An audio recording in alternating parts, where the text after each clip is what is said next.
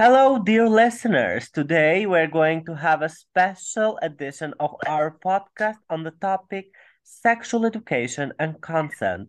And today with us, we have a special guest that comes from Nepal but has worked in Albania as well. Rekha, welcome. How are you?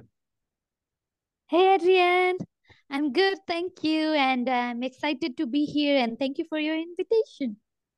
I'm really glad to hear that you are excited and fun and fine.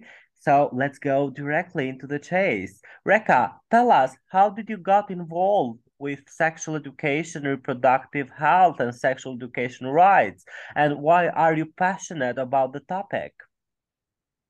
Okay, let's uh, let me share my experience, how I get involved. So back in 2012, uh, there was an organization, uh, not was, there is an organization called uh, Restless Development Nepal who were implementing the program called Dance Life. And I uh, interviewed, I applied for the position uh, of peer education, and they delivered seven days training for us, and we get trained on the sexual and reproductive health and rights. And i got a peer i got to be a peer educator and then i went to schools and i delivered sessions. So that was my first experience uh, of sexual and reproductive health and rights.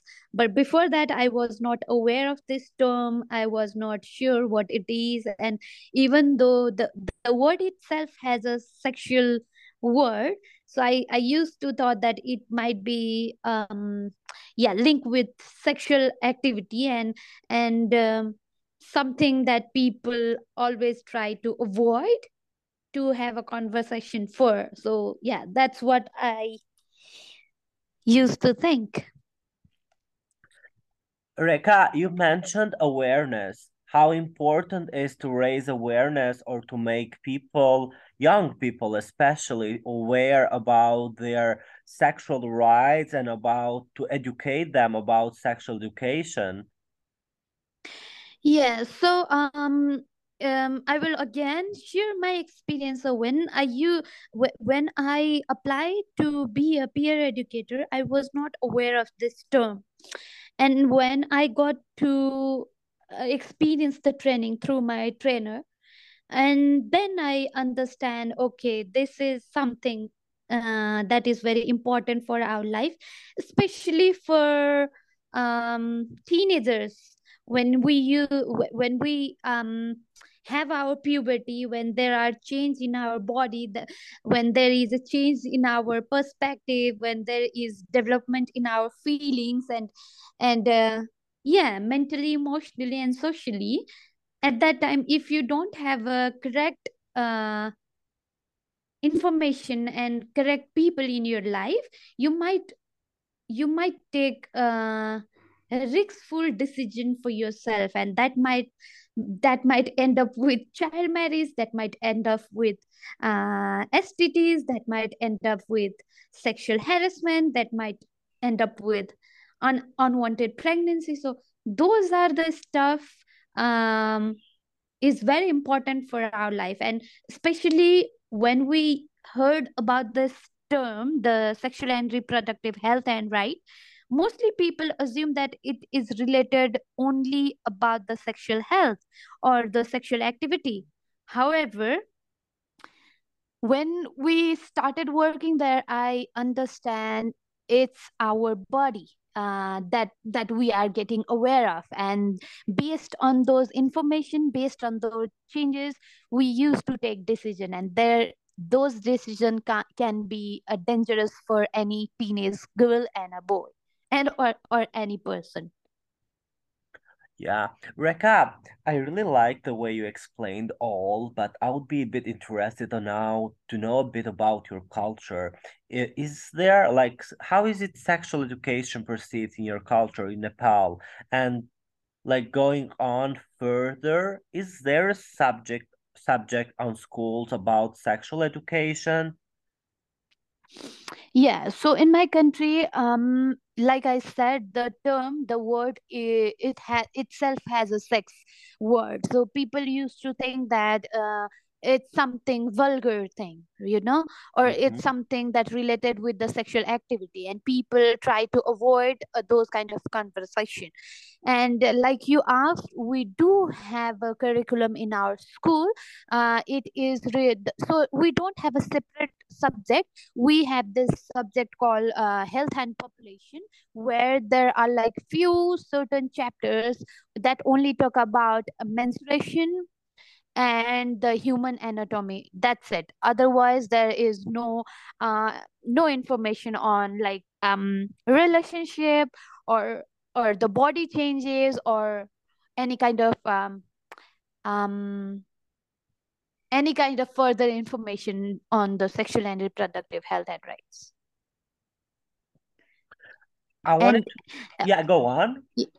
yeah and to just add on that uh, the the teachers in our uh, let's say in our country they also are not very comfortable to talk in this topic. So what they used to do is some school they skip those chapters or even they uh, explain um, about the topic. At the beginning they say that okay i don't want to hear any questions just listen what i am saying. I'm going to explain the process and that's it so students are not supposed to ask question. They have to just listen what their uh, teacher is saying. And those teachers at least in my case my teacher gave me the misinformation. So oh, let's say there there was an incident. Uh, so my teacher explained the menstrual cycle and he says that um, the uh, we get menstruate when the ova destroyed inside our uterus and when it's destroyed from there the blood coming. So they were saying that, because of the ova destroying inside our uterus we get uh, our menstruation. So that is the huge huge uh, misinformation that i got uh, in my early years. Even i can't like like i said people are not comfortable talking about the the about this kind of stuff. So i can't like ask my mom or even like with my uh, there was no other like elder person in my family.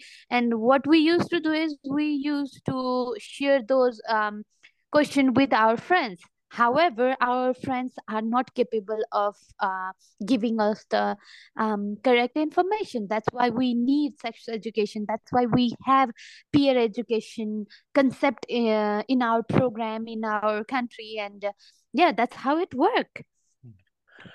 So, Rekha, are you telling to me that even in Nepal, same as in Albania, there isn't a talk between parents and children about uh, how to uh, like how to have safe sex, how like you can like uh, know when your menstrual cycle is coming, or to talk about STDs, how to get protected from them, or how to make the other the other person, your partner, safe?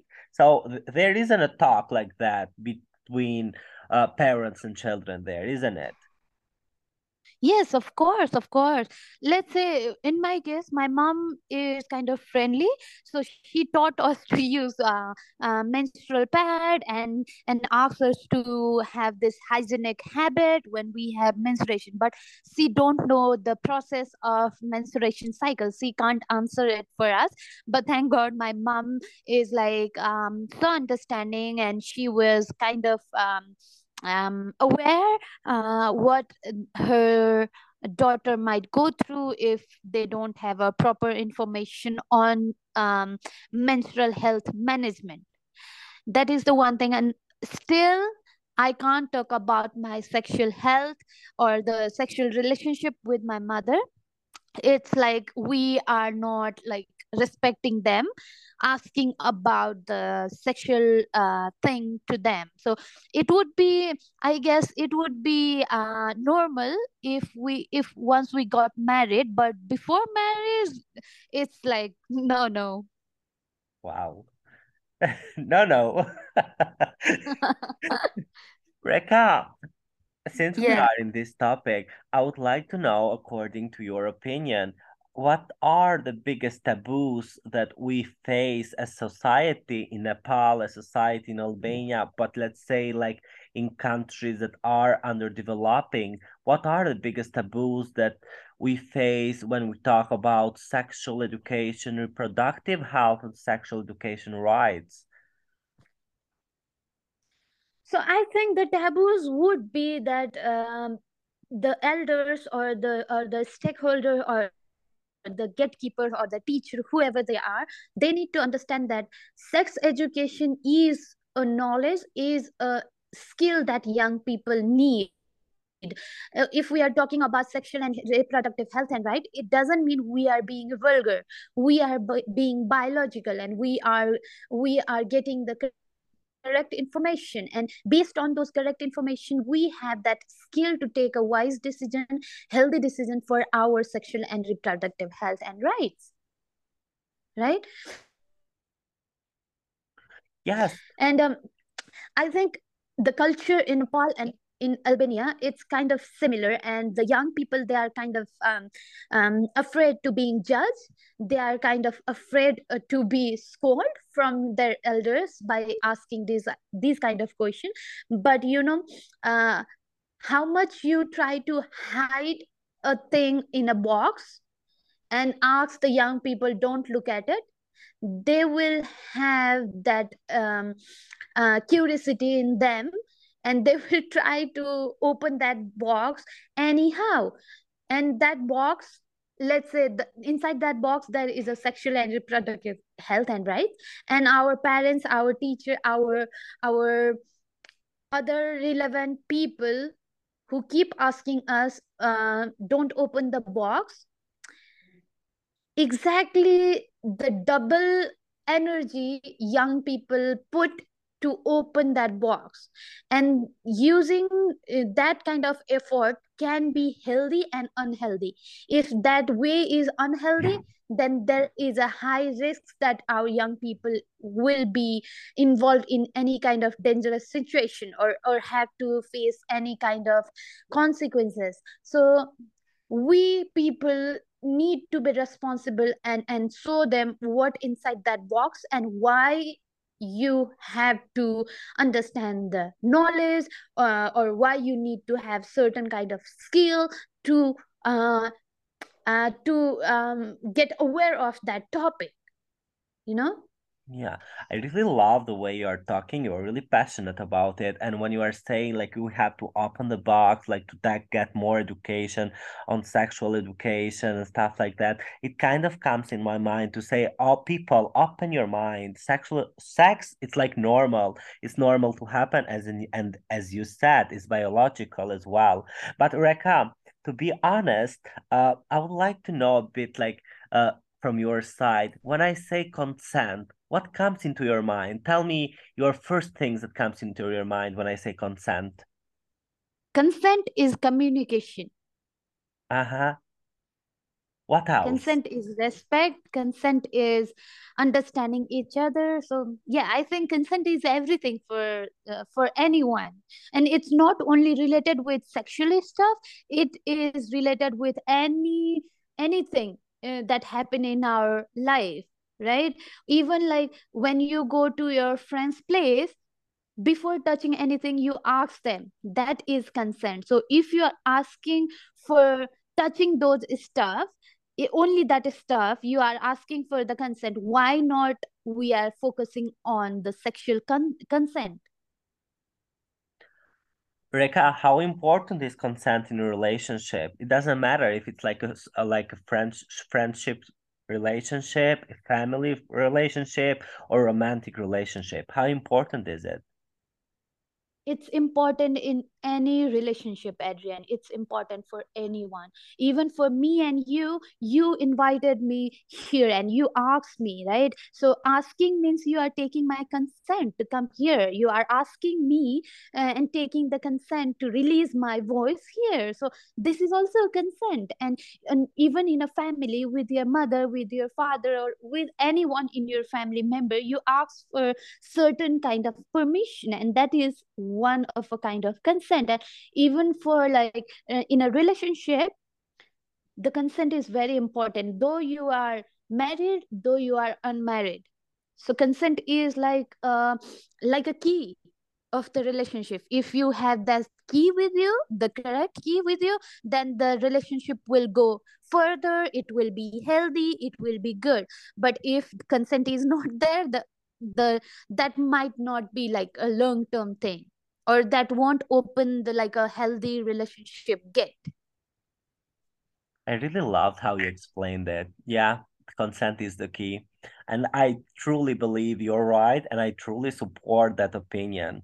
But Rekha, you mentioned in the beginning Dance for Life, and I would like to know for the people and our listeners that don't know what is Dance for Life, Journey for Life, and Champions for Life, what are those movements and how important are those movements for uh, people, youngsters to get educated and to be peer educators in sexual education?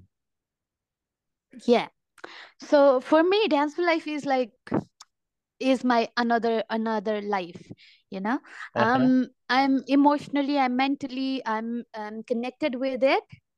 And um, so if i have to explain the dance life is a approach where we use dance and music to uh, inspire and to influence the young people to get involved with us. And we be, we do believe that dance and music is a universal language. Like like when i travel to albania and when i meet young people though language doesn't match doesn't match or do, we don't share the same language.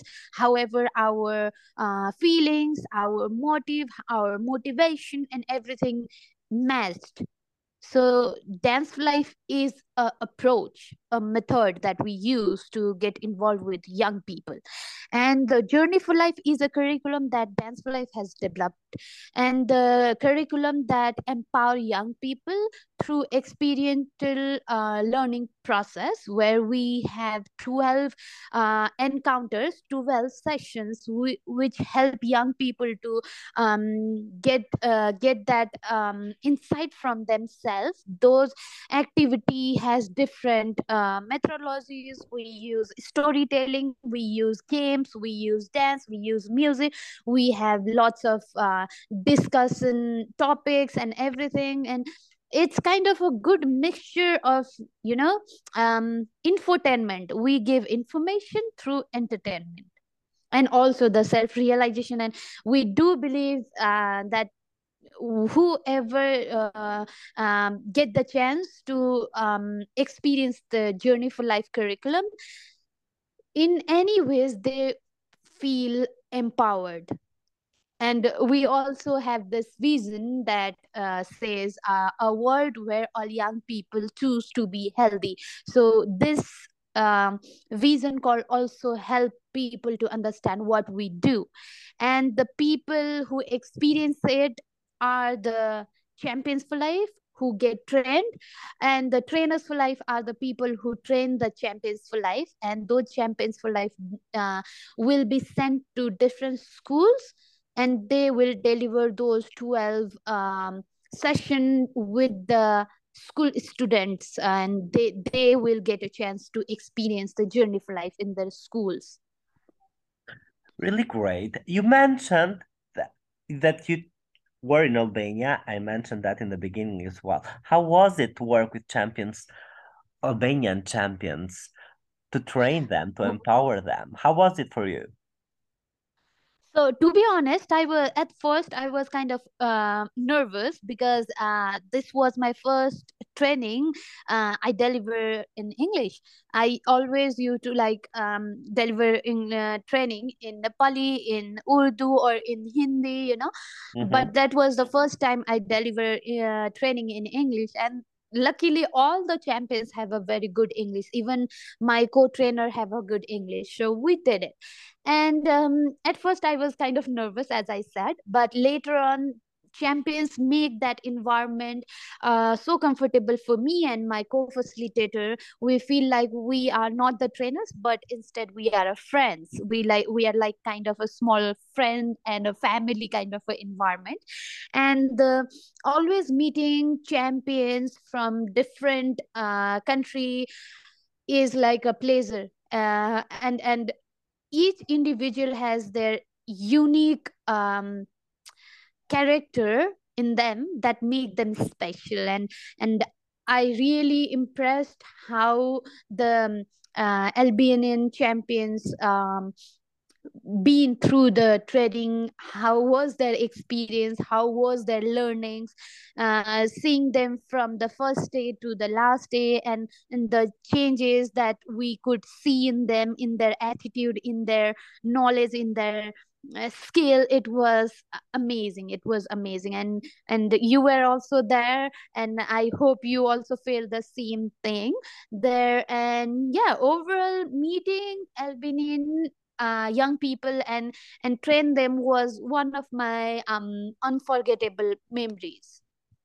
Oh yeah definitely. I really enjoyed and because i'm talking with you here we have still this bond and i hope it never will break uh it's a really yes. great pleasure to work with you and youth voice network and you know that the feeling is mutual adrian i know i know i will ask you a last thing though um yeah Rekha, I would like an advice for someone, for a teenager, girl or boy, doesn't really matter, uh, or however they identify as well.